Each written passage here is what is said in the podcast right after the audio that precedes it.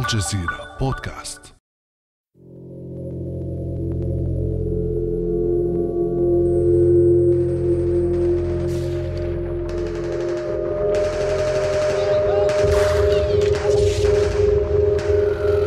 قتلة مأجورون مرتزقة عديمو الإحساس.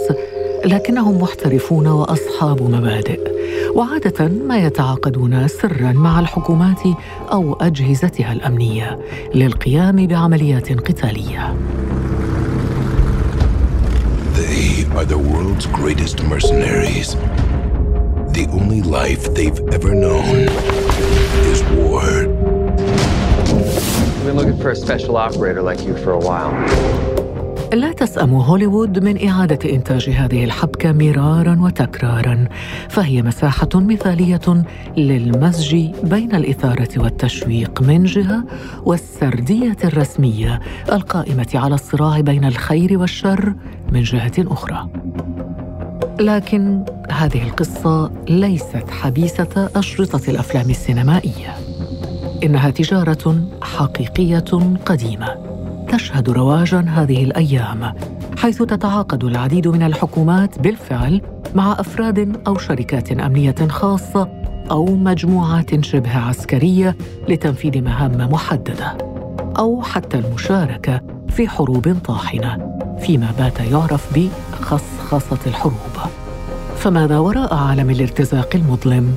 وما هي عواقب خصخصة الحروب على مستقبل الدول المضطربة وحقوق الإنسان؟ ومن ينقذ الشبان العاطلين عن العمل والمحاربين القدامى من مصيدة الشركات الأمنية والعسكرية الخاصة. بعد أمس من الجزيرة بودكاست أنا خديجة بن جنه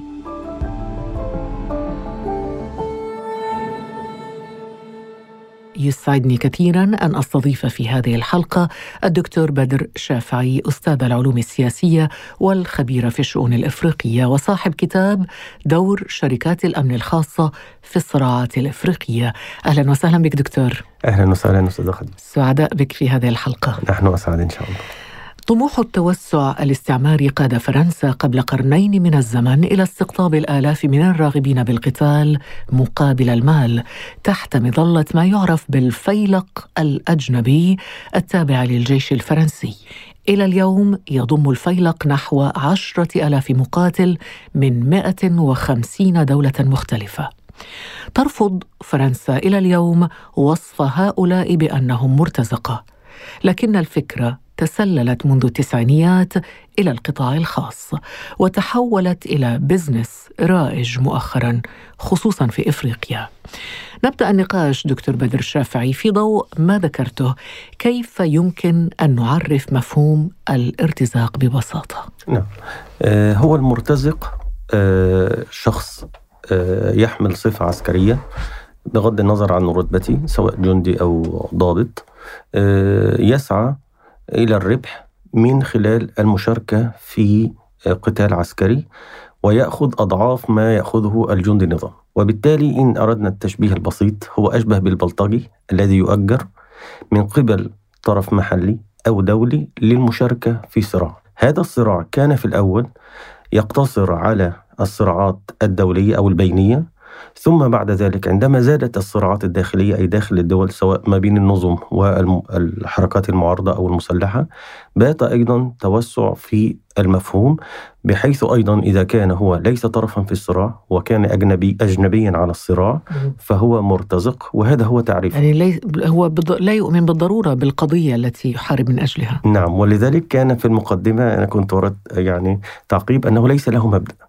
قال إلا إذا اعتبرنا أن الحصول على الربح هو هدفه. وربما ذلك الذي يفرق ما بين المرتزق وبين المتطوعين الفوليونتير الذي ربما يعني لأغراض دينية مثلا يجاهد في مكان أو فهذا لا يأخذ مال برغم أنه أجنبي لكن الصفة الأساسية حتى وفق تعريفات الأمم المتحدة والبروتوكول الإضافي قبلها أنه شخص أجنبي يسعى إلى الربح بل ربما وضعوا شرطا يأخذ أضعاف ما يأخذه مثيله في النظام في الجيش النظامي نعم. نعم في القوات النظامية. طيب هذا ينقلنا دكتور إلى التساؤل عن تطور فكرة خصخصة الحروب بمعنى استخدام القطاع الخاص المسلح في تنفيذ مهام نيابة عن الحكومات أو عن الجيوش. كما ذكرنا كيف حدثت آه، أو تطورت هذه المسألة؟ آه، كما ذكرت حضرتك في المقدمة أن هي المرتزقة فكرة آه، تاريخية. ما قبل حتى الاستعمار. ثم تطورت ولكن وجدوا أن يعني ضخامة الحروب تستدعي ليست أفرادا ولكن شركات. وبالتالي تحول الأمر من أفراد إلى شركات. هذه الشركات ربما يقوم عليها أو يؤسسها. أناس كانوا يشغلون مناصب كبيرة إما في الجيش أو في النظام السياسي نفسه.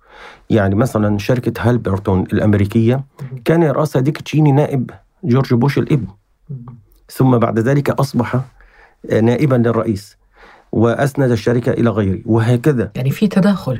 كبير. ده ربما كمان المفاجأة التي ربما لا يعرف عنها الكثير أن هذه الشركات أحيانا تكون الأذرع العسكرية لل multinational companies اللي هي الشركات متعددة الجنسية التي مثلا ترغب في إحدى الدول الإفريقية أن يكون لها استثمارات أو يكون لها اكتشافات. فتقول للنظام الذي تحل, تحل عليه أنت لا تستطيع حمايتي. فكيف أوفر الحماية؟ تقول عندي شركة عسكرية يمكن أن توفر الحماية لي ولك مقابل امتيازات تأخذها منك. وبالتالي أصبح هناك آه، تشابك ما بين هذه الشركات المتعددة الجنسية وهذه الشركات العسكرية وحدث تزاوج ما بين الاثنين طبعا لصالح هذه الشركات التي تتنامى وتحصل على امتيازات كبيرة في عمليات الاكتشافات مقابل احتياج هذه النظم الضعيفة أو غير الشرعية للأمن. وبالتالي تكون هذا هو الديل إن شئنا الدقة نعم. لكن دكتور بدر آه، شافعي ألم تعالج اتفاقية جنيف التي تنظم حقوق الإنسان في حالات الحرب ممارسة الارتزاق بهذا الشكل؟ اتفاقية جنيف آه، أو البروتوكول الإضافي الاتفاقية جنيف اللي هي التعامل مع المدنيين كانت في 49 ثم البروتوكول الإضافي 77 السياق مهم أن نفهم لماذا حد لماذا تم التوقيع؟ الدول التي استقلت حديثا في الستينات يعني قبل عقد من الزمن على هذه الاتفاقية وجدت أن الدول الاستعمارية التي تخلت عنها أرسلت هؤلاء لزعزعة الاستقرار أو لتحقيق مصالحها. فهي لم يعني تترك هذه الدول وشأنها. ضغطت هذه الدول من أجل أن يكون هناك منع لهذه الجريمة جريمة الارتزاق وترك هذه الدول لحالها. فعندما وضع السياق حاولت الدول الكبرى التي تستخدم المرتزقة تفريغ هذا الأمر من محتواه. فجاء بصيغة عامة ووضع ستة شروط لابد أن تتوافر فيها جميعا في الشخص حتى نقول أنه مرتزق. وهي؟ منها اولا إن هو يكون آه، ذي صفة عسكرية سابقة طبعا يعني ليس حاليا في في الخدمة. أن يكون آه، يحصل على المال. ألا يكون من جنسية طرفي الصراع سواء نظام أو أو غيره الا يكون مبعوثا من دولته. يعني ليس له صفة نظامية مثلا ممكن بعض الدول ترسل قوات حفظ سلام في مكان فهذا لا ينطبق عليه. ثم بعد كل هذه الأمور لابد أن تنطبق على الشخص وإلا لا يعتبر آه، مرتزق. فهذه التعقيدات في الشروط تجعل هناك صعوبة لإثبات هذا الأمر. هذه واحدة. الثانية أنه بفرض الثبوت لا تستخدم كلمة جريمة. يعني الوصف مرتزق لكن ما هو عقوبته؟ سكتت هذا نعم، عن هذا مرتزق الأمر مرتزق هل هي بالضرورة سلبية آه كتوصيف؟ طبعا. آه طبعا المضامين خاصة بها سلبية. وإن كان يعني مفهوم السلبية والإيجابية حسب الطرف الذي يستخدمه يعني مثلا النظام يواجه حركة يواجه حركة تمرد فربما يستعين بهؤلاء للإبقاء على على نظامه. وحصل هذا يعني أو ربما نظام أطيح به. زي ما حصل في سيراليون في التسعينات نظام تيجان كبا أطيح به من هو منتخب أطيح به من قبل متمردين مدعومين من دول إقليمية. طيب هذا جميل. يقودنا إلى ذكر بعض الأمثلة والآن ذكرت مثالا. ربما في العشرين سنة الماضية شهدنا الكثير من هذه الشركات الأمنية التي تعمد إلى توظيف المرتزقة في النزاعات والصراعات. نعرف فاغنر مثلا الآن وهي تنشط في ليبيا في مالي وغيرها. لو تعطينا بعض الأسماء أو الأمثلة دكتور؟ طبعا آه، زي ما حضرتك تفضلتي هو البارز الآن شركة فاجنر التي تتبع روسيا ولها علاقات وطيده بالنظام الروسي ودورها في ليبيا لا سيما. إن شئنا القول في دعم قوات حفتر التي هي يعتبر قوات غير نظامية حاليا أو غير معترف بها دوليا. فهذا مثال.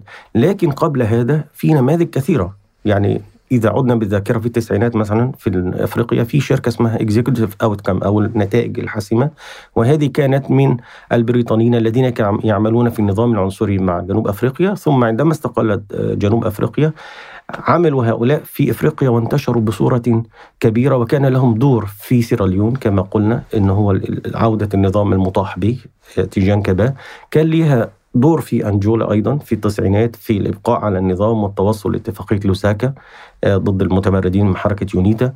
آه، تخلت عن بعض النظم ولم تدعمها لأسباب خاصة بها. فأطيح مثلا بموبوتو سيسي سيكو في الكونغو زئير أو ما كان في وقتها زئير الآن كونغو ديمقراطية في التسعينات. ثم التجربة الأشهر في بداية الألفية الثالثة هي تجربة بلاك ووتر في العراق. الدعم أو توطيد العلاقة مع القوات الأمريكية المتدخلة بسبب صعوبة الوضع في العراق ودعمها القوي لها ثم بعد ذلك حماية بول بريمر الحاكم المدني الأمريكي الذي كان يحكم العراق في فترة من الفترات نعم. وهكذا بالمقابل طالما أنه إحنا في مثال العراق بالمقابل الحشد الشعبي هل يعتبر أيضا من المرتزقة؟ لا لماذا؟ لماذا؟ وده نقطة مهمة جدا أستاذ خديجة النظم أحيانا يعني تتحايل على القانون. كما قلنا يعني آه، عندما يعني تدخلت في الأول في الصياغات في المعاهدات حاولت أن تفرغ من مضمونها.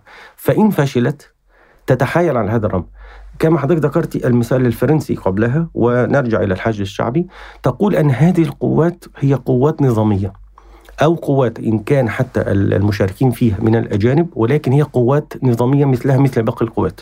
واتفاقية أو البروتوكول الإضافي قال لا نعتبرها استثناها من الصفة الأجنبية أو صفة المرتزقة ما دامت يعني في مراتب أقل ليست في المراتب العليا. ثم الدول بدأت تتحايل على هذا الأمر من خلال إما إعطاء صفة ما لهؤلاء مثلا آه، جوازات مؤقتة جوازات سفر مؤقتة أو غيرها أو من خلال سن قوانين سن قوانين لاعتبار هؤلاء جزء من المكون العسكري النظامي فالحج الشعبي الآن لا هو جزء من النظام كما أيضا قوات الدعم السريع آه، الخاصة بحميتي الآن أصبحت جزء أساسي من النظام فلا يستطيع أحد. يعني لكن حتى مصطلح ميليشيات لا, لا ينطبق عليها؟ الميليشيات تنطبق على القوات غير النظامية التي تحمل السلاح. لكن هذه كانت ربما هي بدايتها ونتيجة التوائم بينها وبين السلطة السلطة أعطتها الصبغة الشرعية فأخرجتها من صفة الارتزاق. فيصعب حتى وإن كانت هذه البداية هي آه، هذه القوات كانت ضد الدولة أو غير شرعية الآن أسبغ عليها الشرعية وبالتالي أصبح لا نستطيع قانونا أن نطلق عليها لفظ المرتزقة أو الشركات أو القوات العسكرية. طب دكتور هذا يقودنا للحديث عن المهام التي تقوم بها هذه الشركات. وخلينا نركز على المنطقة العربية التي تشهد للأسف الشديد العديد من الصراعات.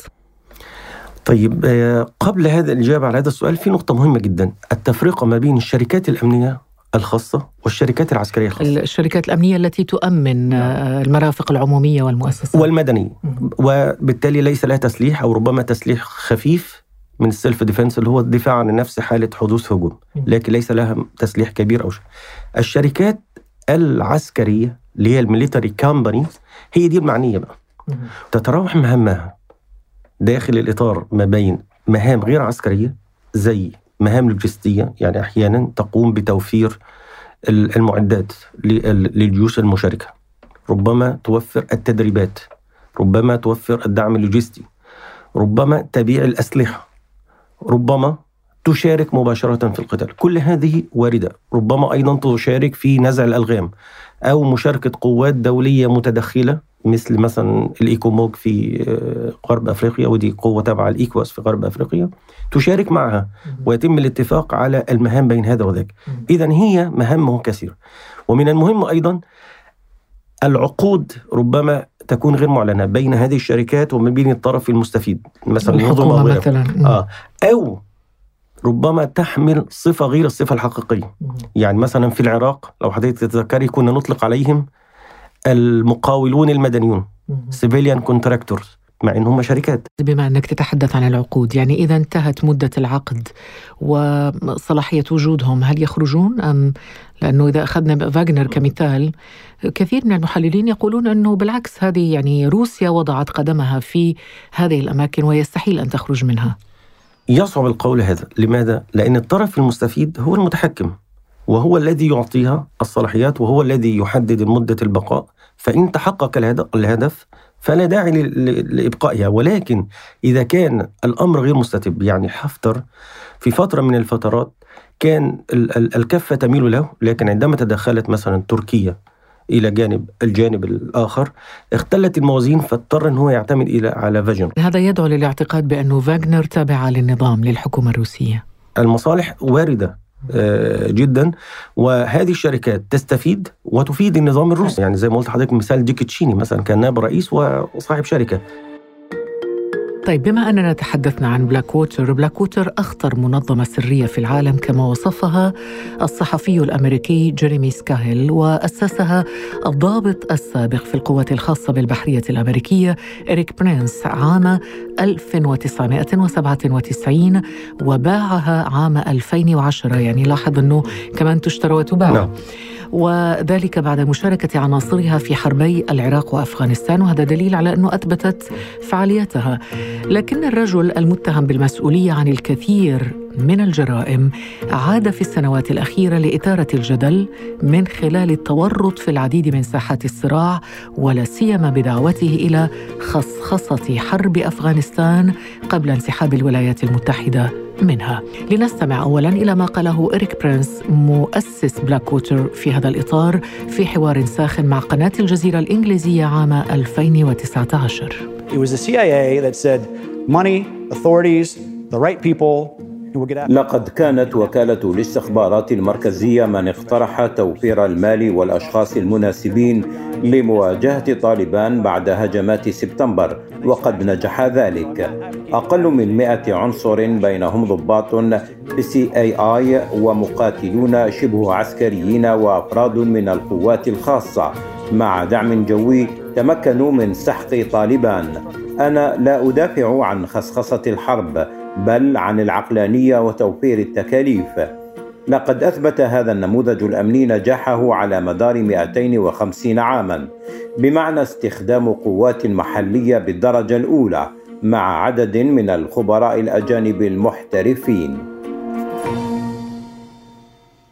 دكتور بدر هل تستجيب الحكومات لدعوة إريك برانس وتتجه نحو مزيد من الخصخصة في النزاعات والحروب؟ نعم آه كما قلت ولا سيما الحكومات التي تواجه تواجه مشكله شرعية آه لا تثق في الجيوش الوطنية وهذه إشكالية، لماذا يتم الاعتماد عليها في ظل وجود وجود جيوش وطنية إما أنها لا تثق فيها أو الإمكانيات التسليحية لهذه الجيوش ضعيفة أو ربما يتم استخدام هذه الشركات من قبل طرف خارجي لا يرغب في البقاء أو الاستمرار في مكان آخر خارج خارج حدوده كما أفغانستان الآن، يعني هو يتكلم عن القوات الأمريكية هي متداخلة في أفغانستان. وهناك غزو لأفغانستان، ولكن نظرا لارتفاع التكلفة الخاصة بالحرب والفشل الأمريكي في تحقيق انتصارات في وجود طالبان فيتم الاستعانة بهذه الشركات لأن عفوا الذي يقتل لا دية له ولا مساءلة عليه. فبالتالي هم يعني يرغبون في هذا الأمر ويزداد الاعتماد عليهم. يعني هذه الشركات لا تجرم في حاله تجاوزات حدوث تجاوزات صعب تجريمها لأن صعب إثبات الأمر عليها.